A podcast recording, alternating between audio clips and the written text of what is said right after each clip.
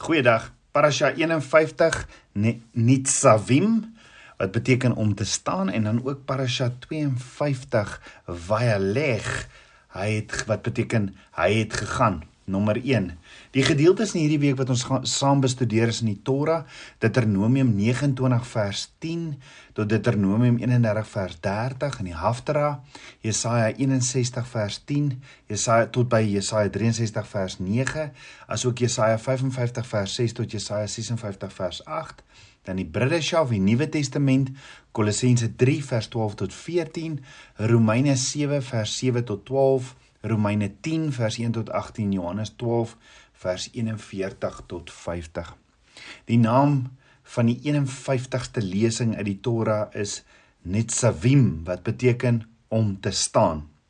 Die naam is afgelei van die eerste vers van die week se gedeelte waar Moses sê in Deuteronomium 29 vers 10: "Julle staan vandag almal voor die aangesig van Jahwe julle God julle hoofde, julle stamme, julle oudstes en julle opsigters, al die manne van Israel. So in hierdie gedeelte nooi Moses die hele vergadering van Israel uit om 'n verbond met Abba Vader aan te gaan. Hy waarsku hulle dat as hulle Sondag hulle in ballingskap sal gaan. Maar hy voorspel ook dat hulle hulle in die toekoms sal bekeer en dat Abba Vader hulle na die land Israel sal terugneem.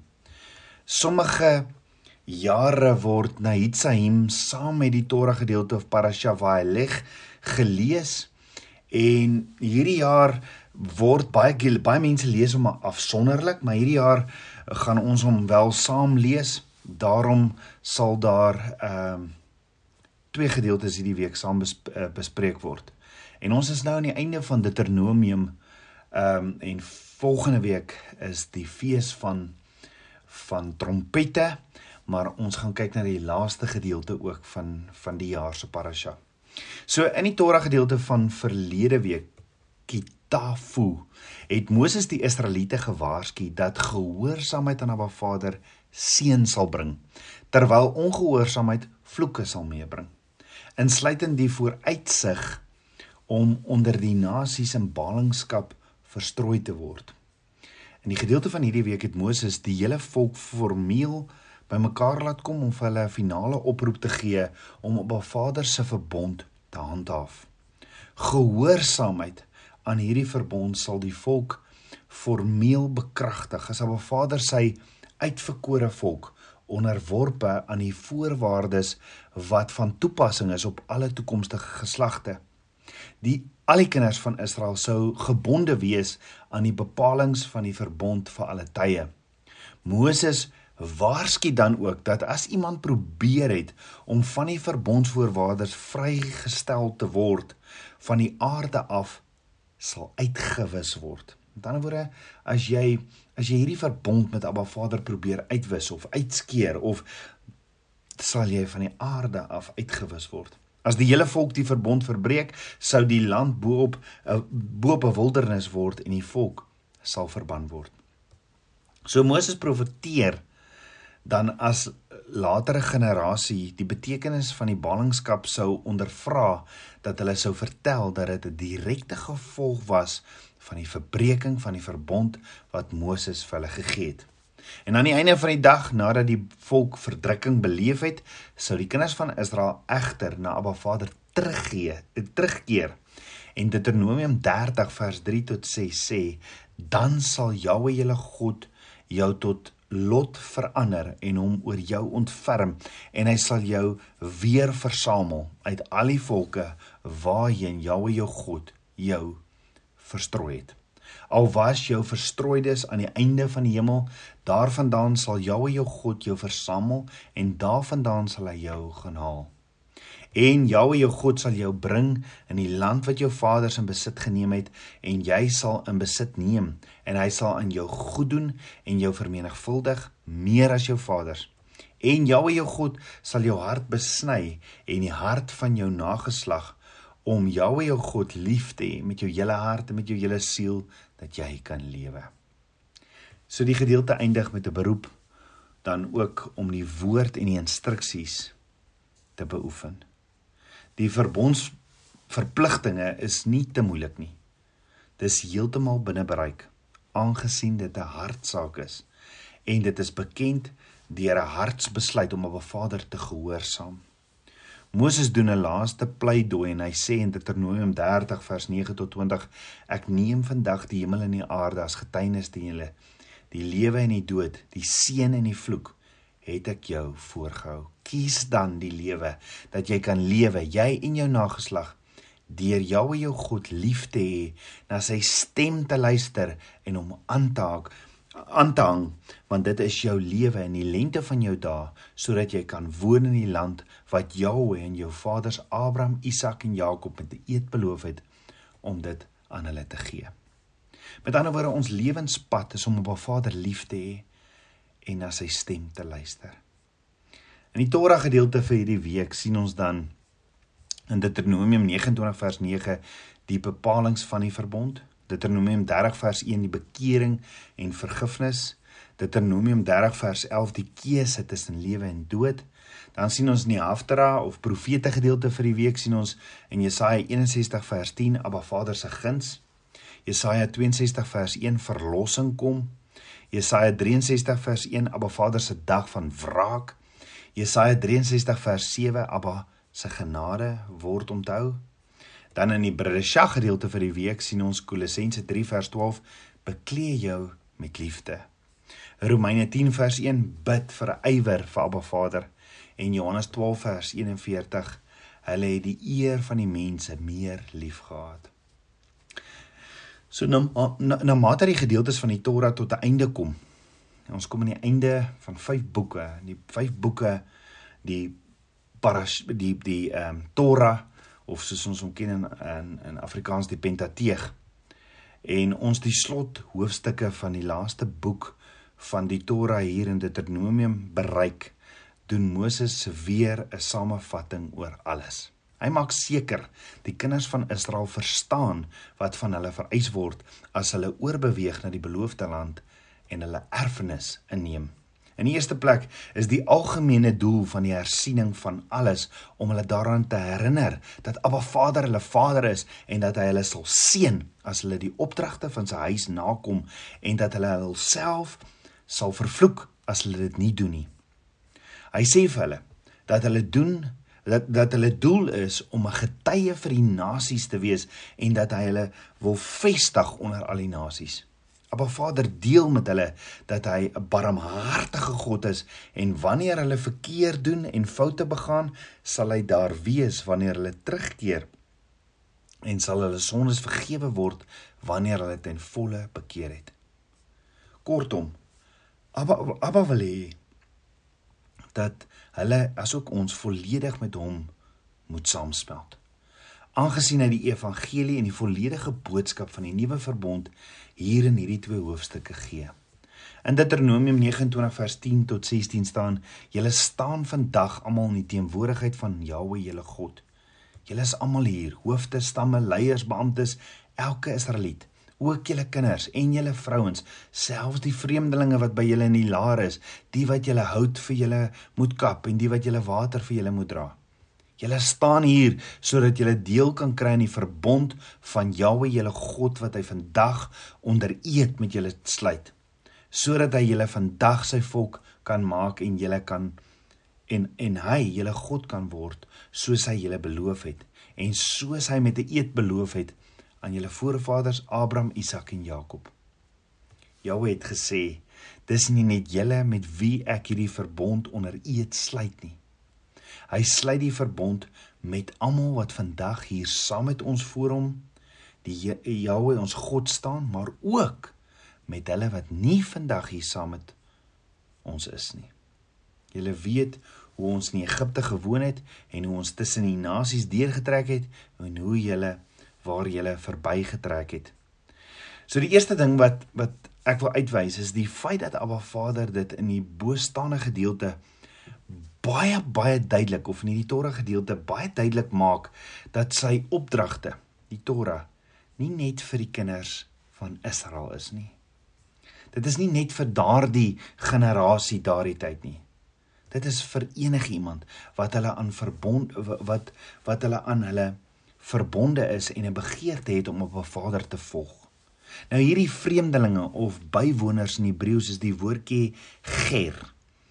'n Ger of 'n vreemdeling in die Bybelse sin is iemand wat van 'n slegte land afkomstig is en besluit het om 'n permanente inwoner te wees van die nuwe land waarin hulle wil woon. 'n Ger is ten volle afhanklik van die kinders van Israel vir oorlewing, oorlewing en beskerming. Hulle vlug miskien van hulle verlede en skuil by die kinders van Israel of hulle het kom soek, hulle het hulle kom soek of is selfs 'n weduwee of is dakloos weens oorlog. Hoe dit ook al sou sê, 'n ger in die ware sin van die woord is iemand wat eens aan 'n ander land behoort het wat nou besluit het om aan Israel te behoort, om deel te word van die kinders van Israel. En dit is hier waar die samesmelting begin. So wat is hierdie samesmelting? Hierdie samesmelting is wanneer jy een organisasie neem en dit kombineer met 'n ander organisasie met die bedoeling dat hulle 'n nuwe organisasie word. En is presies wat hier gebeur met die heidene, die Gef wat uit 'n ander nasie kom en besluit om by die kinders van Israel aan te sluit. Hulle God te dien. Hulle kom uit 'n vreemde land met buitelandse gebruike en buitelandse gewoontes en tradisies.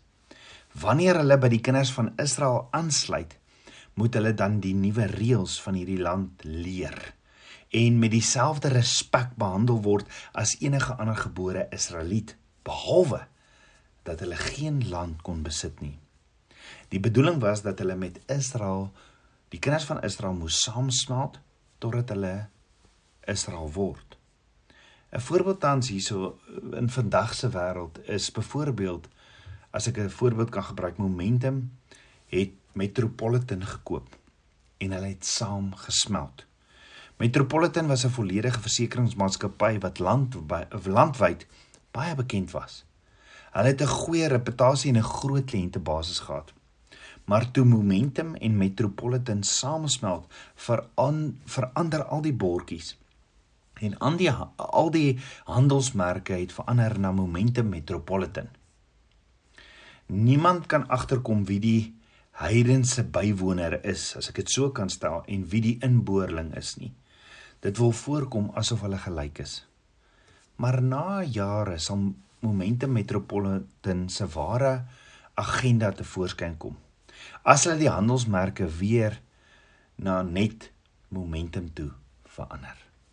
Dan sal dit duidelik word dat Momentum Metropolitan uitgekoop het en dit was die agenda van die eerste dag af.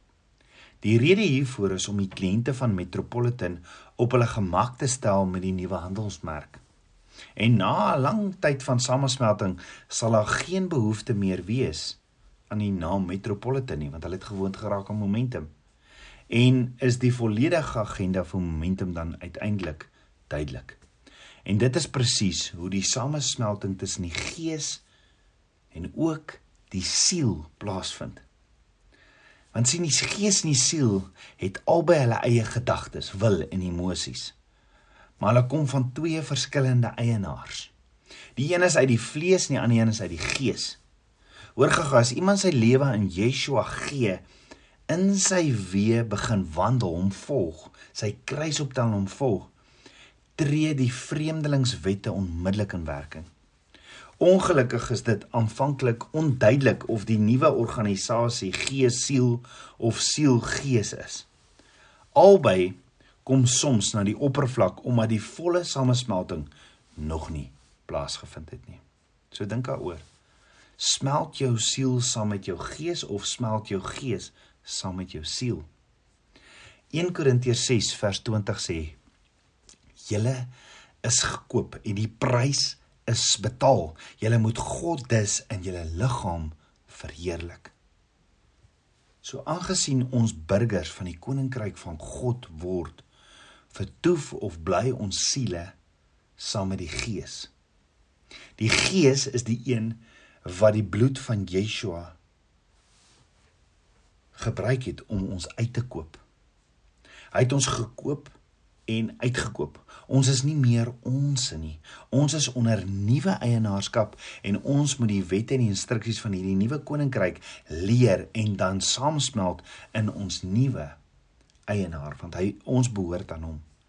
Hy bou 'n huis en ons is daardie huis. Die plan van Abba Vader is om ons uiteindelik heeltemal hernoem deur alles wat op die ou mens dui af te haal en te vervang met 'n nuwe mens wat perfek na sy beeld geskape is. Dis alles deel van hierdie pad van heiligmaking. Hy wil hê dat mense hom moet sien as die nuwe eienaar en niks meer van die ou eienaar nie. Hy sien nie meer die eie ek raak nie. Hulle sien Abba Vader. Hulle sien die Bybel in ons raak. Johannes stel dit so mooi as hy sê in Johannes 3 vers 30: Hy moet meer word en ek minder. Dit is die perfekte definisie van die doel van 'n samesmelting. Johannes het verstaan dat hy net die voorloper was. Maar toe Yeshua die Messias kom, moes hy terugstaan en Yeshua die middelpunt laat inneem het. Die vraag is tabernakelskind van Abba.